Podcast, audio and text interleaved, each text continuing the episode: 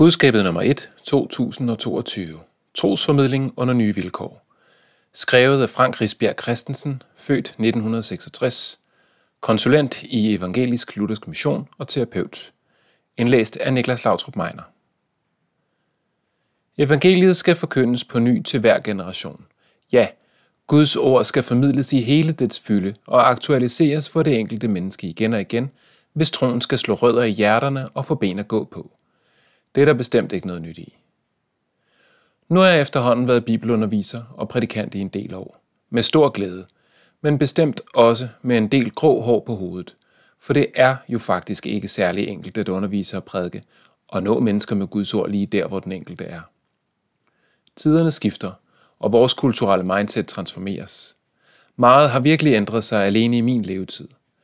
Jeg har haft det privilegie at arbejde blandt unge stort set hele mit arbejdsliv, og jeg prøver stadig på at følge med i det postmoderne og pluralistiske virvar, og i, hvad der gør sig gældende for f.eks. generation X, Y og Z, og i det tankesæt, som andre har fået med sig i livet. For jeg vil gerne forstå mennesker og deres tilværelsesforståelse, værdiplatform, udfordringer og passioner, både i det sjælesørgeriske og når jeg skal prædike og undervise, og i det hele taget, når jeg er sammen med andre. For efterhånden en del år siden blev det ret klart for mig, at det postmoderne verdensbillede og det pluralistiske samfund er et vilkår, som vi bliver nødt til at leve i og få det bedste ud af. Vi må være i dialog med det på alle vores arenaer. Nogle gange omfavne det, og andre gange gøre oprør og danne sund og nødvendig modkultur osv. Vi bliver nødt til at navigere rundt i en både udfordrende og mulighedsgivende samtid, hvor folk ofte virkelig har et helt andet tankemønster end os selv, som de lytter ud fra og forstår sig selv og livet ud fra. I det pluralistiske samfund er livet som en ideologisk, værdimæssig og religiøs markedsplads. Her skal vi være åbne, omstillingsparate, tolerante, klar til at blende ind i alle mulige sammenhænge og arenaer. Klar til at gøre os selv relevante og gå i dialog med og være anerkendende og forhandlende i forhold til et væld af livsanskuelser, sammenhænge og måder at være i livet. Børn og unge er i det hele tiden. Mine og ældre generationer forstår vist ikke helt, hvor identitetsdannende og identitetsforvirrende det virkelig er. Eksempel. Lille Ejner på 8 år går i kristen børneklub og følges med mor og far til møder og gudstjenester. Men han leger også ofte med muslimske Ibrahim fra skolen og kommer ret meget i hans hjem. Ibrahim er hans bedste ven. Ejners morbror, som er hans fader og fantastiske voksenlegekammerat, lever nu sammen med en anden mand og skal giftes til juni – og i folkeskolen bliver Ejner undervist i, at han selv må finde ud af, om han vil være en han, hun eller høn. I fodboldklubben lærer Ejner, at han skal kæmpe for sin plads og spejle sig i sine helte. I gospelkoret danser han rundt i lilla farver som alene dreng sammen med 14 piger. Lille Ejners far er tømrer og stemmer på nye borgerlige, mens hans mor er socialpædagog og stemmer på enhedslisten, og begge er meget aktive kristne. Sådan er verden af i dag og lille Ejner og alle vi andre skal hver især finde vores vej. Vilkårene giver råderum og vitalitet, men det medfører også rådløshed og utryghed. Det udfordrer mange i det at kunne blive trygge i at være den, man er i livet. Også når det handler om at kunne tage sin kristne identitet helt på sig. I det postmoderne, som er helt indlejret i det pluralistiske eller omvendt, er man meget kritisk over for de skråsikre og færdige holdninger og alle absolute sandheder. Det postmoderne mindset, som mange af os er lidt eller meget påvirket af, er åben og tolerant over for alle synspunkter og livsindskuelser, samtidig med, at man er meget kritisk og diskussionsparat, for alt skal forhandles og vendes, uden at nogen helt skal vinde og få ultimativt ret, for relativismen byder os, at ingen kender og har adgang til det ultimativt sande. Vi ser det postmoderne slå igennem, også hos mange kristne. Vi ser det i tilgangen til Bibelen og de bibelske sandheder og dogmer. Vi oplever det i drøftelserne om bibelsk etik og værdier. Betondogmatik og de klassiske færdige svar er ikke den hotte og efterspurgte vare. For alle ved jo, at der altid stadig er mere og andet at sige, end det som historiske forankringer og dogmer siger. Også i forhold til det, som bibelske etiske pejlemærker udtaler sig ret sikkert om. Man er mistænksom over for de færdige svar, og man er uerbødig over for dem. Langt hen ad vejen er man meget mere tryg ved det, som følelserne og erfaringen guider i retning af. For alle ved jo, at den absolute sikre viden som en platform i livet ikke findes. Kun der, hvor der er videnskabelig evidens i det, der hævdes, er man, i det postmoderne, på nogenlunde sikker grund. Som det nok er tydeligt for enhver, tilhører jeg en generation, som ikke blev bedt om at være kritisk over for alle slags autoriteter, normer og absolutter i udgangspunktet. I min verden findes der sande dogmer og noget, som virkelig kan defineres som ret og forkert. Det er vigtigt for mig, at jeg har fodfæste netop i troens absolute sandheder, og at jeg har et holdbart bibelsk stilas omkring mit liv og min tro, som holder mig godt fast i det sande fra Gud. Jeg mener også, at det faktisk er sådan, det er, på baggrund af Guds konkrete ord, og fordi det er meget frisættende. Jeg ved dog også, at det ikke altid ser ud på samme måde hos især de yngre generationer. Derfor må jeg være nysgerrig, ydmyg og forstående, hvis jeg skal kunne nå dem, omfavne dem, elske dem og få indgang hos dem som sjælesørger, vejleder og forkynder. Og jeg vil virkelig gerne være med til at formidle bibeltillid, Jesus-tillid og noget mere dogmetillid ind i dem, midt i det postmoderne.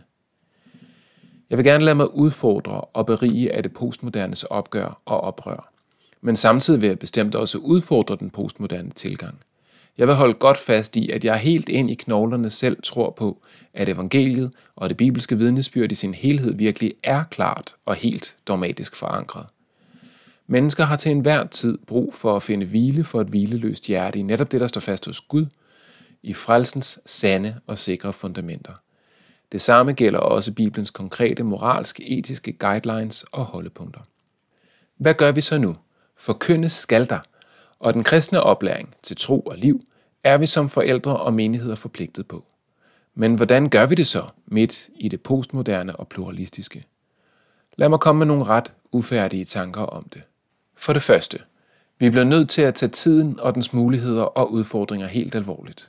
Og det er også at tage os selv helt alvorligt, fordi vi ofte selv er mere præget af tiden, end vi er bevidste om. For det andet, midt i det postmoderne er der stadig en ægte længsel at spore.